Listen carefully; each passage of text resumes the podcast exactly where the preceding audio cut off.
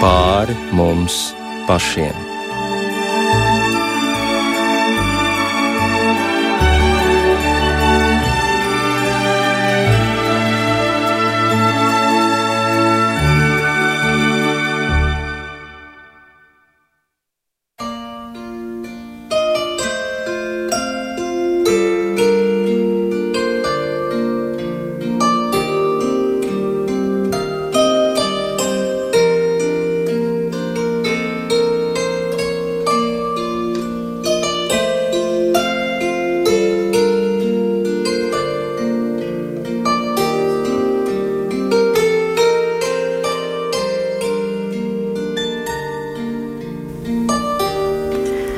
Esiet sveicināti raidījumā pāri mums pašiem, lai ir slavēts Jēzus Kristus. Studijā Inte Zēgnere par skanējumu rūpējas Kristaps Eida, bet mūsu raidījuma viesi ir Latvijas vēstniece pie svētā krēsla. Valsts protokola vadītāja Elita Kuzmala vakar, labvakar. un Rīgas arhibīskaps metropolīts Zbigņevs Stankēvičs labvakar. Labvakar! Mēs satiekamies trešajā adventē. Baznīcas gads jau ir iesācies, bet kamēr nav noslēdzies kalendārais gads, gribam atcerēties Latvijas un Vatikāna attiecību vēsturi, jo tieši šogad tiek atzīmēta Latvijas Republikas un Svētā Krēsla attiecību simtgade. Ir notikusi mūsu valsts prezidenta vizīte Vatikānā, ir izdots apjomīgs krājums par šo diplomātisko attiecību vēsturi, un tā patiešām ir risinājusies, kā vēsta šīs grāmatas nosaukums - patiesuma un uzticēšanas garā. Bet jums abiem, es domāju, ir īpaša pieredze arī ar Romu, jo jūs savulaik esat bijusi vēstniece Itālijā. Jūs esat studējis Romā ilgus gadus. Nu, tad kas ir šī mūžīgā pilsēta, kura arī tāpat gatavojas Ziemassvētkiem šobrīd? Pirmo reizi Romā nokļuvu jubilejas gadā, 2000. gadā. Un, protams, ka tā ir īpaša sajūta. Nu, ir tas slavenais teiciens, visi ceļi ved uz Romu. Bet nu, patiešām Romā ir ne tikai mūsu Eiropas civilizācijas saknes, senā Roma, bet arī kristietības nu, divi galvenie apstuļi, teikt, Pēteris un Pāvils. Viņi tur ir gājuši bojā mocekļa nāvē, tur ir arī viņu relikvijas. Un vispār Roma, protams, tā atstāja tādu nu, ļoti spēcīgu iespaidu. Bet runājot par šodienas romiešiem, kuri, protams, jau ir nomainījušies, un tie vairs nav tie paši romieši, kas bija toreiz, tad jāuzsver viņu tāds dzīves prieks, viņu tāds optimisms. Es domāju, to mēs no viņiem varam mācīties. Mēs kā ziemeļnieki esam tādi, tādi ļoti nopietni. Bet viņi ir atvērti, tādi dzīvespriecīgi, un jā, tas tā iedvesmo, es teiktu, iedvesmo. Jā, paldies. Man Roma nozīmē ļoti daudz arī profesionāli. Pirmo reizi nokļuvu Romā 1996. gadā, kad biju iekļauta ārlietu ministra Birkava oficiālās vizītes delegācijā. Un, protams, šī neaizmirstamā tikšanās ar jau svēto Jānu Pāvilu II.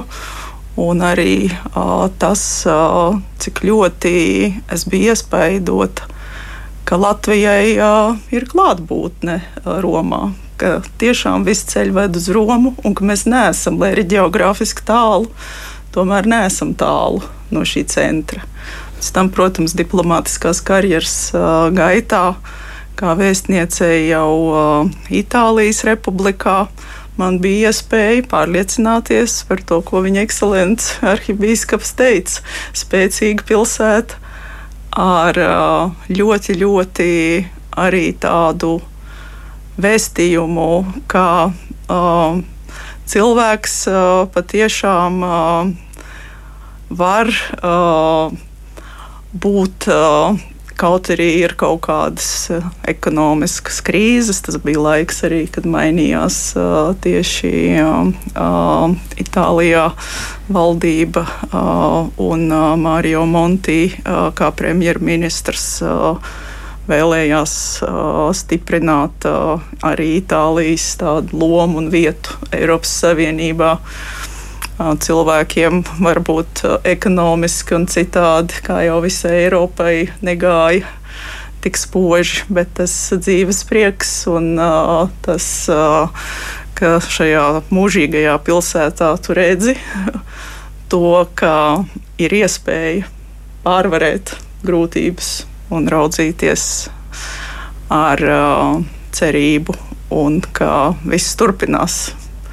Tas man ļoti ir iespaidojis. Un, protams, brīnišķīgā itāļu valoda, kur man izdevās kaut nedaudz, bet apgūt. Starp citu, man patiešām... Jūs jau labi runājat itāliski, patiesībā, ko lai es daru šādā situācijā. Pareiz, mans, mans pirmais kontakts ar Itāliju bija, kad es gāju pamatskolā un klausījos radio Prāgu no trījiem līdz četriem darbdienās tur raidīja itāļu mūziku. Un es patiešām, kad vien biju mājās, un bija iespēja būt pie radio, tad klausījos to itāļu mūziku. Tās mūsdienīgās dziesmas, bet jau toreiz es iemīlēju teikt, to valodu un to, to mūziku. Bet vēl atgriežoties pie Romas tādiem iespaidiem, protams, milzīgu iespaidu atstāja Svētā Pētera bazilika kad tu ieej iekšā. Michelangelo pietā, piemēram, tajā labajā pusē, vai arī Siksta kapela, protams, vai Rafaela Stancas vai tad atkal kolizējis tur, kur nu, tās senās Romas varenības simbols, bet kur arī nu, bija tie daudzie mocekļi, kas tur tajā arēnā gāja bojā, bija atdoti zvēriem saplosīšanai. Vai tas lielais cirks Čirko Massimo, kur jubilejas gadā bija pilns ar priesteriem, kuri pieņēma grēksūdzes Diezgan iespaidīgi. Tas bija, jā, tas bija iespaidīgi. Un, un, jā, un tajā jubilejas gadā, kur tie miljoni cilvēku Torvergata tajā laukumā, universitātes laukumā, jau ārpus Romas robežas, e, kur ar Jāni Pāvilu II bija tas, mm, tā tikšanās un dievkalpojums un visas nakts vigīlija. Tas bija ļoti iespaidīgi. Un no rīta pamodāmies, jo gulējām tur tajā laukumā, guļam maisos viss bija ar rasu, ar ūdeni noklāts. Jo tāda rasa, tā kā bibliskā rasa, vai ne? Kā sētajos rakstos tur nu, par rasu Latvijā, tāda rasa mm, ne, neatminos, ka būtu viesi. Jā, no acīm redzot, tā ir pilsēta, kas vienmēr aicina, vienmēr vilina un kurā vienmēr gribas atgriezties. Bet nu, turpināsim par šīm attiecībām. Kādas tad ir veidojušās um, Vatikānam, Svētajam Krēslam un Latvijai?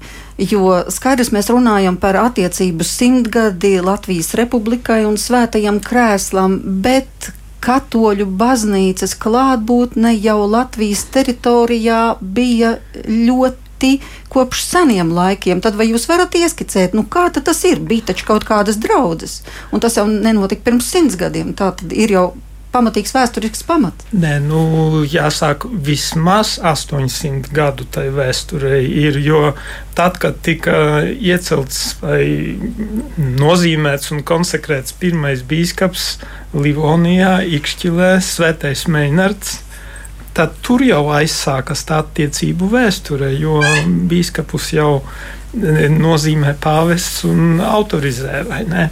Tā kā tas jau aizsākās tajā laikā, pēc tam e, Bīskaps Alberts, e, kad dibināja Rīgu, viņš bija tas, kurš griezās ar šo iniciatīvu, ar šo lūgumu pie pāvesta Inocenta III, lai šo zemi veltītu jaunavai Marijai un no tā laika Terra Marijana. To jau pāvests Inocents III piešķīra šo titulu. Līdz ar to tai mums ir ļoti sena attiecību vēsture. Un, laikam, Bīskapa Alberta laikā bija arī šis notikums, ka viņš lūdza, lai Rīgas diecēs tika paaugstināta par metropoliju. Un jūs esat arhibīskaps metropolīts. Tad ko nozīmē īsti šis tituls?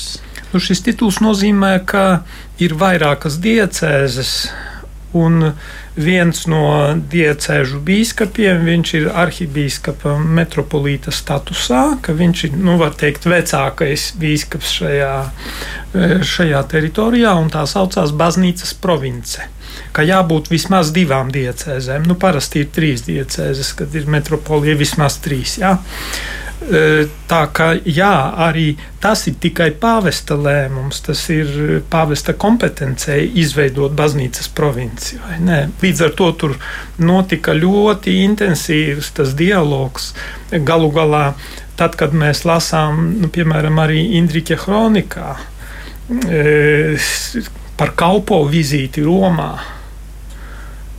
tās attiecības ļoti sen sākās, bet tad, kad Protams, tad, kad e, Livonija nonāca jau nu, pirmkārt, kad tā izsākās reformācija, tad, tad nu, dabiski, ka tie kontakti tad, e, samazinājās. Tad vienīgi tajā tā saucamajā polijas inflantijā, jeb latgalē, mūsdienu latgalē, ka tur bija tie intensīvāki kontakti. Un tad, kad bija cariskā Krievija, protams, arī tad, tad nu, tad bija savādāk. Bet tā, tāds var nosaukt restarts, intensīvs restarts patiešām notika faktiski pirms simts gadiem. Jo Svētais krēsls bija viens no pirmajiem, kas atzina Latviju gan de, gan de facto sākumā, un pēc tam arī, arī de jure. De jure un konkordātu parakstīja starp Vatikānu un nu, starp Svēto Krēslu un Latviju 1922. gada 30. maijā. Tas nozīmē ļoti ātri. Un patiesībā tas bija e, Zigfrīda Annas Mejeroviča tāds, nu, teikt, viņa gara darbs. Viņš ļoti to virzīja uz priekšu, bet vēstnieces kundze laikam var precīzāk un detalizētāk to pastāstīt, to, to, šīs nianses. Zikfrīds Ainamērovics teica, ka tas ir ļoti nozīmīgs politisks akts un liels ieguvums Latvijai. Nu, acīm redzot, viņam bija kaut kāds pamats tā sacīt. Jā, es labprāt varbūt iesāktu ar to, ka Latvijai šis gads šogad ārpolitiski kopumā tāds jubilejas gads, ir simts gadi kopš Latvija tika atzīta de jure. Šis gads tuvojas noslēgumam. Bet šī diena, 20, 21. gada 26. janvārs, sākās ar visu baznīcu zvanu skaņām. Un tas, protams, tā bija nozīmīga diena, kad Latvija tika pirms simt, simts gadiem atzīta de jure. Un uh, 10. jūnijā, kad atzīmējām Latvijas un Svētā krēsla šo diplomātisko attiecību simtgadi, arī pie ārlietu ministrijas plīvoja Vatikāna karoks, mēs atskatījāmies patiešām uz, uz to, ka kā arhibīskaps teica, šī intensīvais šis posms attiecībās, tas iesākās jau pirms Latvijas valsts tika dibināta jau 1917. gadā ar Latgals kongresu, ar, ar tātad jau arī šo lēmumu, kad tika lemts Rīgas diacēzi uh, dibināt, vēl, vēl nebija pat uh, ne, atjaunota. At, atja, atjaunot, jā. Un tādā, tādā, tādā ziņā mēs varam teikt, ka patiešām Latvijas ārpolitikas veidotājiem, ministram Zikfrīdam Annemerovicam un kopumā arī tiem, kas novērtēja to uh, nozīmīgumu, uh, kas Latvijai starptautiski uh, kā ieguvums uh, būtu pirmie starptautiskie līgumi un arī attiecības ar uh, Svēto krēslu. Tas bija būtisks uh, gan iekšpolitisks, gan ārpolitisks uh, jautājums. Arī valsts uh, iekšējai vienotībai nozīmīgs.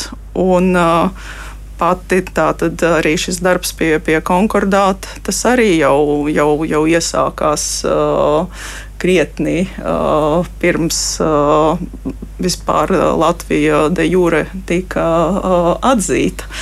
Tā kā tas bija tālredzīgs, tālredzīgs solis un kā līgums mums tas Latvijai bija pāvesta pīja 11. laikā pirmajiem Un uh, pēc tam uh, pat šis līgums uh, tika uh, ņemts par pamatu uh, svētā krēsla līgumiem ar citām valstīm uh, pat ārpus Eiropas. Tā kā arī šādā ziņā tīri no starptautisko tādu attiecību līgumu uh, viedokļa ir nozīmīgi uz to atskatīties. Protams, tagad uh, uh, šīs attiecības, tad, kad tās tika atjaunotas pēc Latvijas neatkarības atjaunošanas, tad uz šī līguma pamata tika slēgts starptautiskais līgums starp Latviju un Svēto Krēslu, kādu mēs to zinām un kādu mēs, pēc kura mēs strādājam šodien. Jā, tā, tā, tas ir tāds paliekošs, vai ne? Ka, var teikt, ka Latvijas attiecības ar Svēto Krēslu ir īpašas. Tieši kā Vēstnieces kundze minēja, e, tas ir tā konkordāta dēļ, kas bija tāds pionierisks. Bet, piemēram, ja mēs tagad tā speram tādu septiņu jūdžu soli uz priekšu, tad Jāņa Pāvila otrā vizīte Latvijā 93. gadā. 1993. Tā bija pirmā ārvalstu galvas vizīte pēc Latvijas neatkarības atjaunošanas. Tas arī ir tāds globāla līdera patiešām jāsaka. Jā, nu, vis, ļoti nozīmīga. Visas, visā pasaulē, jā. kā saka, atzīta un pazīstama. Tā ka tas arī tāds, nu tāda, eh, es teiktu, liela reverence Latvijas virzienā plus pāvesta Franciska vizīte simtgadē, arī 25 gadus vēlāk pēc Jāņa Pāvila otrā vizītes. Tas jau arī ir tāds žests. E, nu, ir tāds, tāds spēcīgs žests. Savukārt Jānis Pāvils II, e, tad, kad viņš jau, nu, jau bija sakārtots un devās uz Latviju, tad viņš teica, ka e, es varu piepildīt savu senu tādu vēlmi būt Latvijā.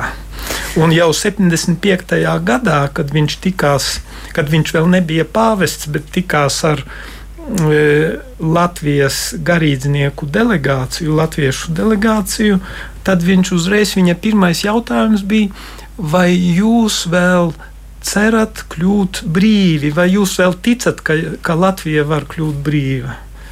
Tā laikā, kad vēl bija padomju ēra pilnā, pilnā plaukumā. Jā, es domāju, ka īstais brīdis ir arī atskaņot vienu no dziesmām, kas ir iekļauta pāvesta albumā Abba Pater, un tā ir īpaša dziesma ar vārdiem Ubi Caritas et Amor, un jūs droši vien no latiņu valodas vislabāk to izkulta, iztulkosiet. Uh, nu, kur ir mīlestība, uh, žēlsirdība un mīlestība, tur arī ir Dievs.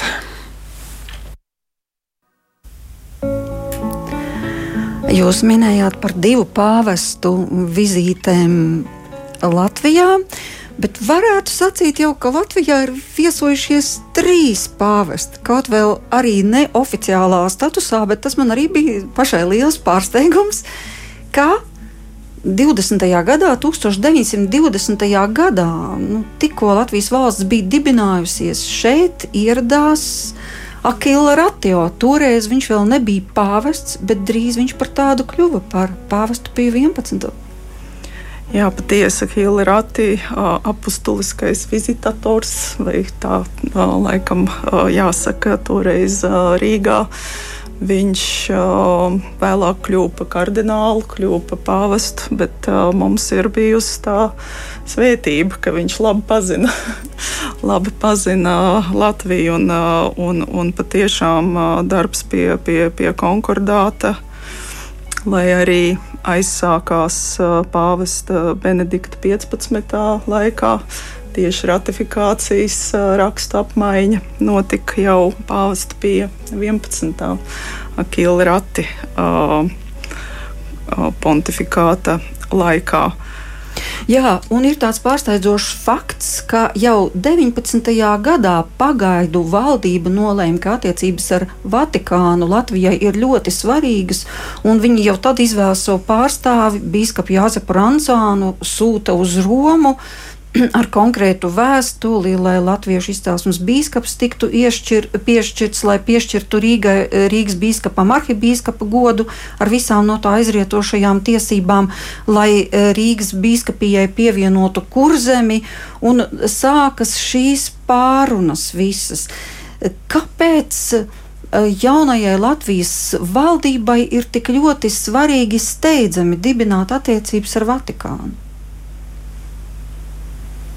Man, man šķiet, cik var tagad, atskatoties uz, uz to laiku, redzēt, tas tiešām bija svarīgi gan iekšpolitiski, lai vienotu, vienotu valsti tās pašreizējās robežās, vienotu sabiedrību.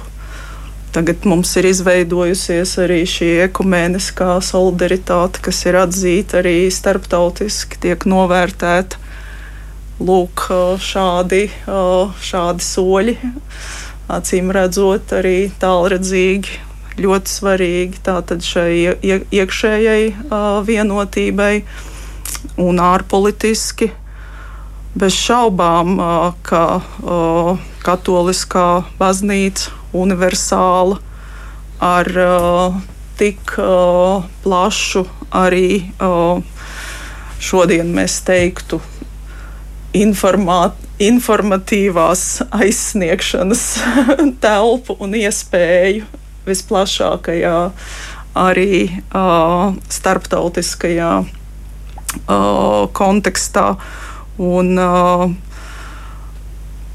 manuprāt, uh, arī tas uh, cilvēku tāl, to iesaistīto arī uh, spējas, profesionalitāti, un, un, un, un, un tas bija svarīgs faktors, jo, jo kā bija kā, kā, kā Rančāns, tā arī Albats, kas bija ārlietu ministra uh, biedrs. Uh, tie bija tie, kas pie šī konkordāta strādāja varēja teiksim, patiešām gan no tiesību viedokļa, gan atbilstoši ar valodas zināšanām, varēja uh, diskutēt šo līgumu un varēja panākt ātri tādu rezultātu. Domāju, ka Svētais Krēsls ir vienmēr izpratis uh, šī reģiona un arī Latvijas, ja tā varētu teikt,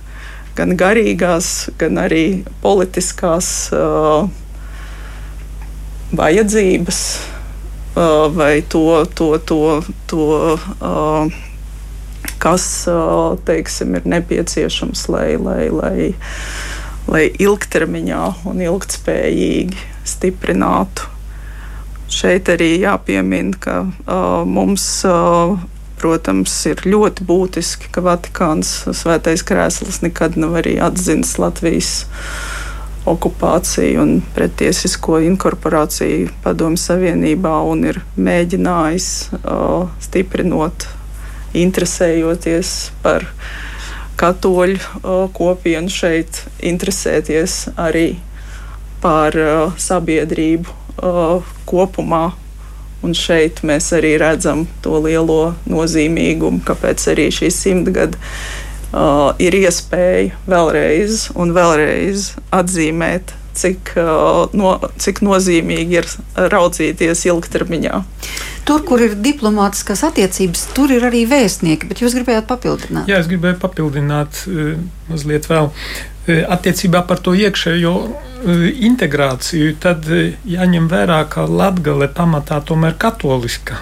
Un tajā laikā jau Latvija vēl bija svārstīga, vai ne? Vai vienoties klāt pārējiem novadiem vai nē. Un, tieši šis kontakts ar Svēto krēslu un konkordāta parakstīšana un arī bīskapu iecelšana tieši Rīgā, Rīgas diecēzes atjaunošana, tas bija mēģinājums integrēt teritoriju, integrēt Latgali, un tomēr arī tā kā Rīgā jau katoļi tomēr bija, tad arī, nu, tos katoļus, kas bija pārējā Latvijas teritorijā, mm, kā saka, apvienot ap šo Latvijas valsts ideju.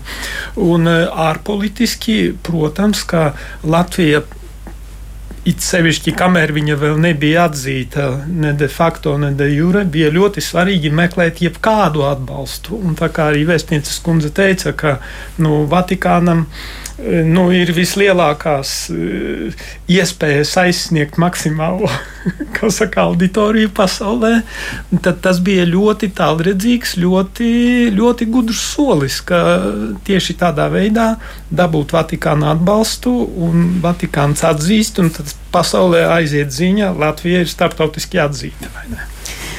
Ko jūs varētu sacīt par pirmajiem vēstniekiem? Jo, kur ir diplomātiskās attiecības, tur jābūt arī vēstniekiem.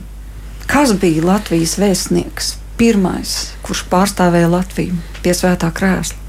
Tātad jūsu priekšstats sanāk. jā, jā, mēs. Uh, patiešām tagad raugāmies uz vairākām simtgadēm jau kādu, kādu laiku, bet 25. gadā būs simts gadi kopš internunciatūras atklāšanas šeit Rīgā, un savukārt mūsu vēstnieks pie svētā krēsla bija jurists un, un mācības spēks, diplomāts un ārlietu ministra biedrs Hermans Albats.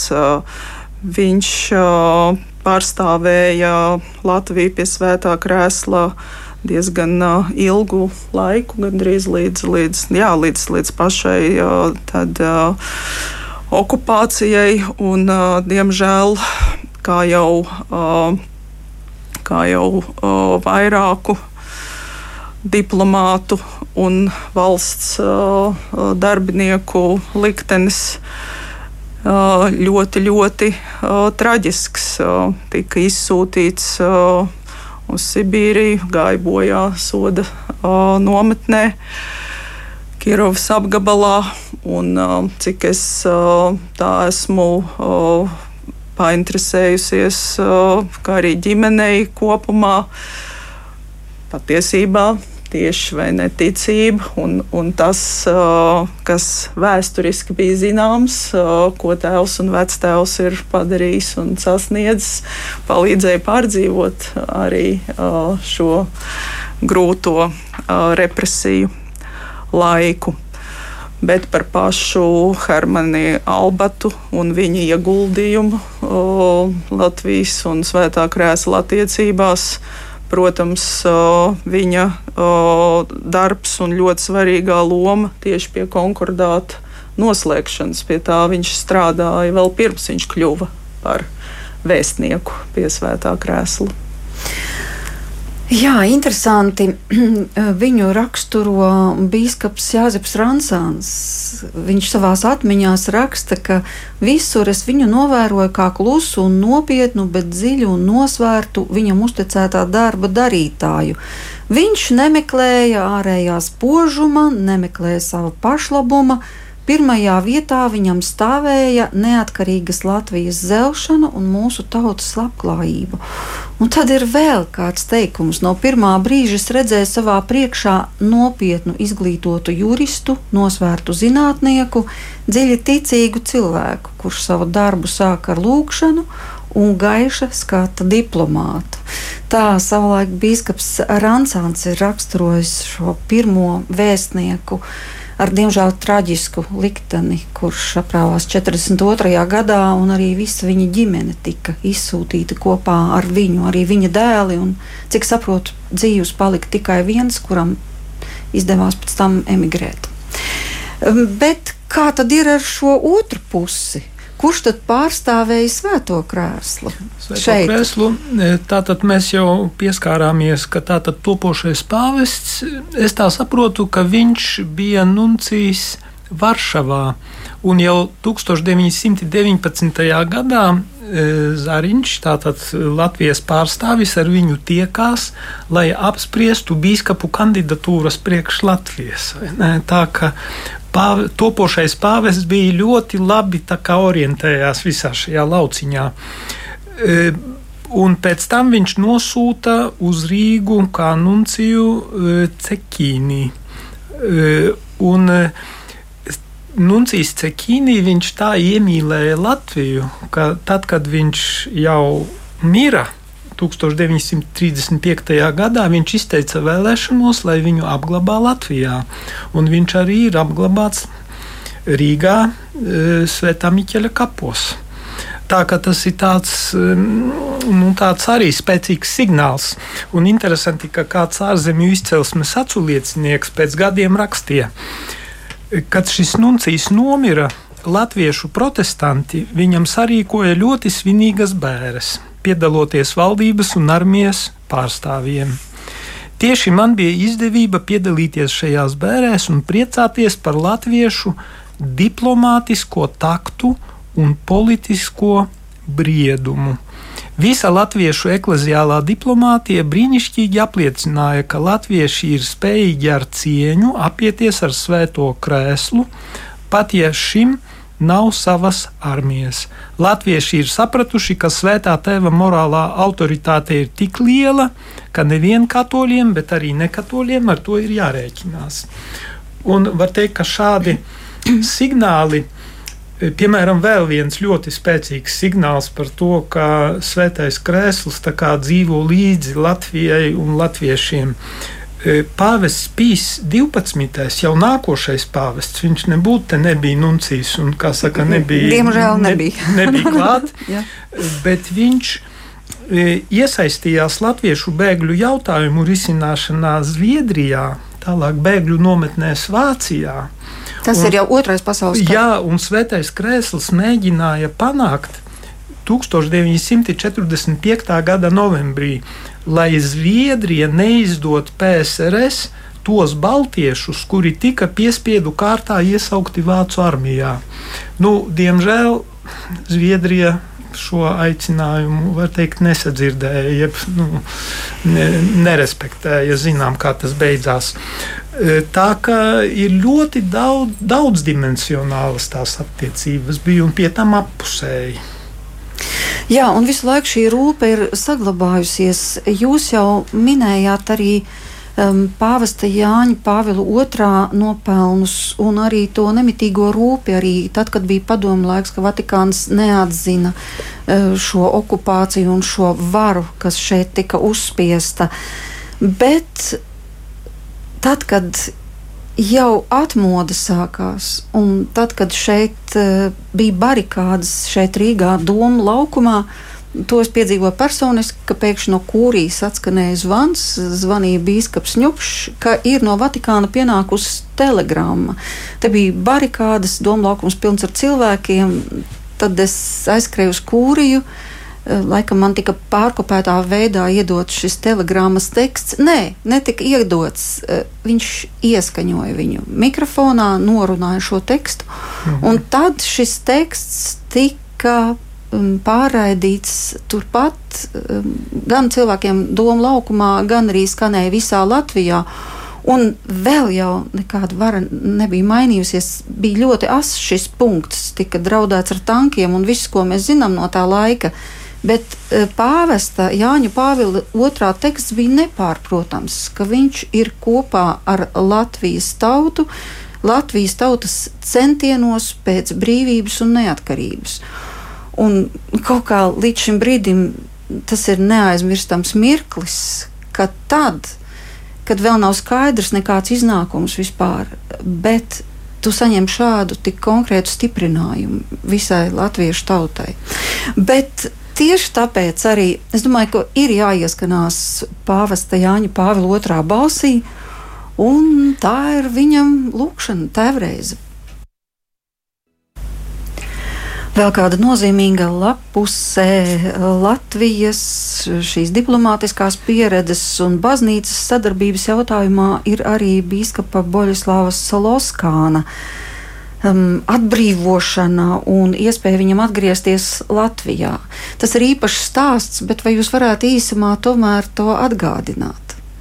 Jā, nu, bīskaps Loskāns tātad viņš eh, bija mm, iecelts par biskupu Baltkrievijā, bet tūlīt viņu arī arestēja un aizsūtīja uz, uz lāģeriem.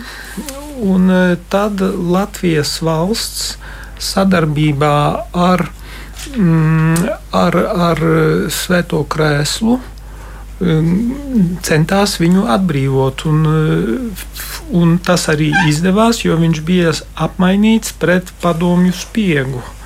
Eh, kurš bija noķerts savukārt šeit un notiesāts, un notika apmaiņa.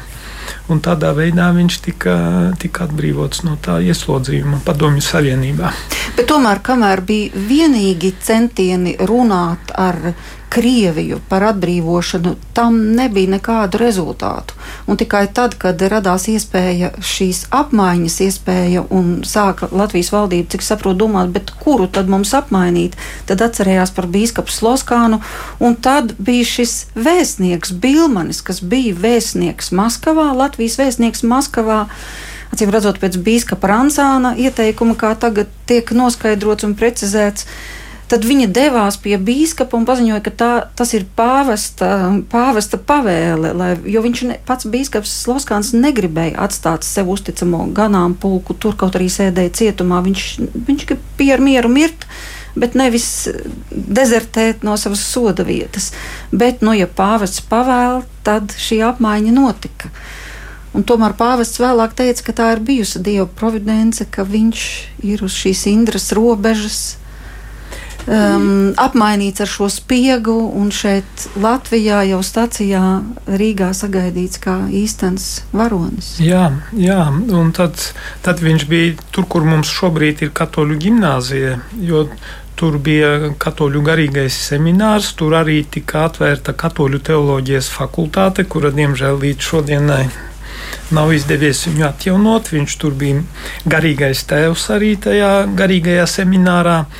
Un e, tad, kad e, atnāca jau e, Vācijas valdīšanas laiki, nu, fašistu vai ne, tad viņu arī izveda uz, uz rietumiem. Bet tā atkal bija dieva apredzība, jo viņš nu, atlikušo mūža daļu praktiski pavadīja Beļģijā, bet viņš pulcināja latviešu jauniešus tos, kas bija emigrācijā, un uh, aprūpēja viņus, palīdzēja viņiem uh, mācīties, studēt, un aprūpēja garīgi. Un faktiski tie arī divi, vēlākie divi biskupi vai arī vairāki priesteri, kas, uh, kas bija latviešu, kas atgriezās no ārzemēm, biskups Brumanis, biskups Justs vai tevs smelters, nu tie jau bija viņa gara bērni. Tas bija viņa, viņa dzīves auglis. Un tā viņa devīze, nu, upuris par brāļiem, ne, ka tas viņa upuris tomēr nesa bagātīgus augļus. Viņš vienmēr ticēja, ka Latvija būs brīva. Viņš pat, kad aizdeva grāmatas, tad teica, atnes, jo tās būs vajadzīgas neatkarīgajai Latvijai. Bet tagad pievēršamies. Jā. Es labprāt uh, gribētu arī par godināmo biskupu Sloskānu pateikt, ka, ka arī uh, valstī, arī, ja tā var teikt, uh, vēstniecībai arī mums ir, ir, ir zināms šī īpašā cilvēka nopelni. Mēs viņu redzam tiešām arī kā tādu tiltu Baltkrievija, Latvija, Eiropa. Viņš ir uh, cilvēks, kurš ir tiešām arī ieguldījis ļoti daudz trimdas. Uh, darbā un, un bijis arī uh, okupācijas uh, gados. Uh, Vatikānā svētā krēsla, uh, kā saka, aktīvs, uh, tuvs un, un, un, un pazīstams, un patiešām arī neses šo Latvijas brīvības uh, ideju. Un tādēļ arī no savas puses arī valsts tās kompetences ietveros, ja vien var, veicinātu arī uh, to, ka Bīskaps Sloskāns varbūt tiek beatificēts un ka šis process turpinās. Bet, protams, tas ir katoliskās baznīcas un, un, un ticīgo un, un, un, un teiksim, varbūt tāda procesa jautājums.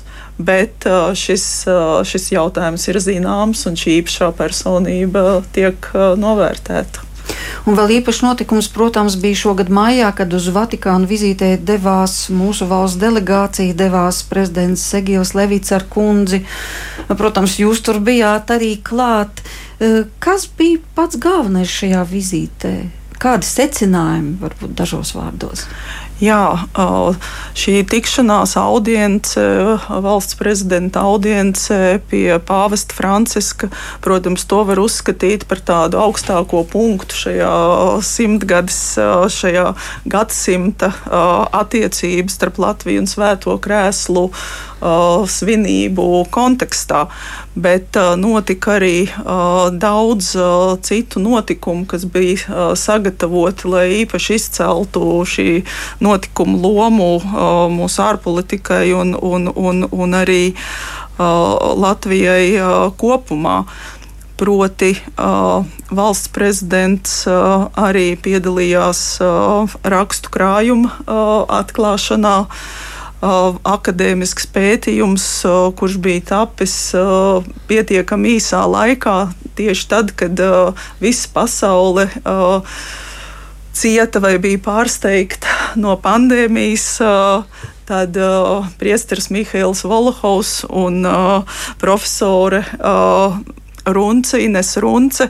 Viņa strādāja pie, pie akadēmiska pētījuma Latvijas Nacionālajā arhīvā un arī uh, Vatikāna uh, tātad, uh, sekretariāta attiecībām ar valstīm arhīvā, lai ieskatītos uh, tikai uh, pagājušā gada 2. martā atvērtajos uh, arhīvos, uh, tātad līdz uh, 1958. gadam. Un šajā šajā krājumā ir uh, publicēti uh, arī līdz šim nepublicēti materiāli un dokumenti. Un man šķiet ļoti, ļoti zīmīgi uh, valsts prezidenta vārdi šī krājuma atvēršanā uh, Lumsa Universitātē. Ka attiecības starp uh, Latviju un uh, Svēto krēslu un arī šis krājums, tas ir tāds no, nozīmīgs un ar paliekošu ietekmi Eiropas uh, diplomātijas, uh, Eiropas 20. gadsimta diplomātijas vēstures uh, kontekstā. Jo mēs, protams, neraugāmies tikai uz tātad starpkaru periodu, bet arī raugāmies uz to, cik kā vēsturniece Runce teica, cik vēsture var būt arī pozitīva, cik viegli šīs attiecības bija atjaunot, un cik laba ir šobrīd sadarbība starp Latviju, starp Latvijas valsti. Katolisko baznīcu Latvijā un arī, protams, Svēto krēslu uh, Un es vēlētos no savas puses, kā vēstniece, arī pateikt paldies viņa ekscelencei arhibīskapam Stankievičam un visiem Latvijas bīskapiem par bīskapu konferencei, par sadarbību, gatavojoties šim notikumam, arī šim valsts prezidenta valsts prezidenta audiencei, braucienam, vizītei ar delegāciju pie, pie, pie, pie pāvesta Franciska un pie Vatikāna amatpersonām. Un par to, ka arī Latvijas vēstnieces pie svētā krēsla darbā Tā ir viena no, no varbūt atšķirībām un specifikām. Es nepārstāvu tikai uh, un vienīgi valsti uh, uh, pie svētā krēsla, bet uh, arī uh, ir būtiski uzturēt dialogu ar uh, Katolisko baznīcu. Un man ir patiešām uh, prieks, uh, ka uh, visu iesaistīto sadarbības rezultātā vizīte ir bijusi ļoti veiksmīga un šis krājums ir paliekošs uh, ieguldījums uh, akadēmiskai videi, studentiem. visiem, kuri vēlas ar to iepazīties. Tātad itāliešu, latviešu un angļu valodās. Un mēs jau sākumā pieminējām, ka svētam krēslam ir iespēja aizsniegt auditorijas, kuras varbūt mēs ikdienā neaizsniedzam, starptautisku auditoriju.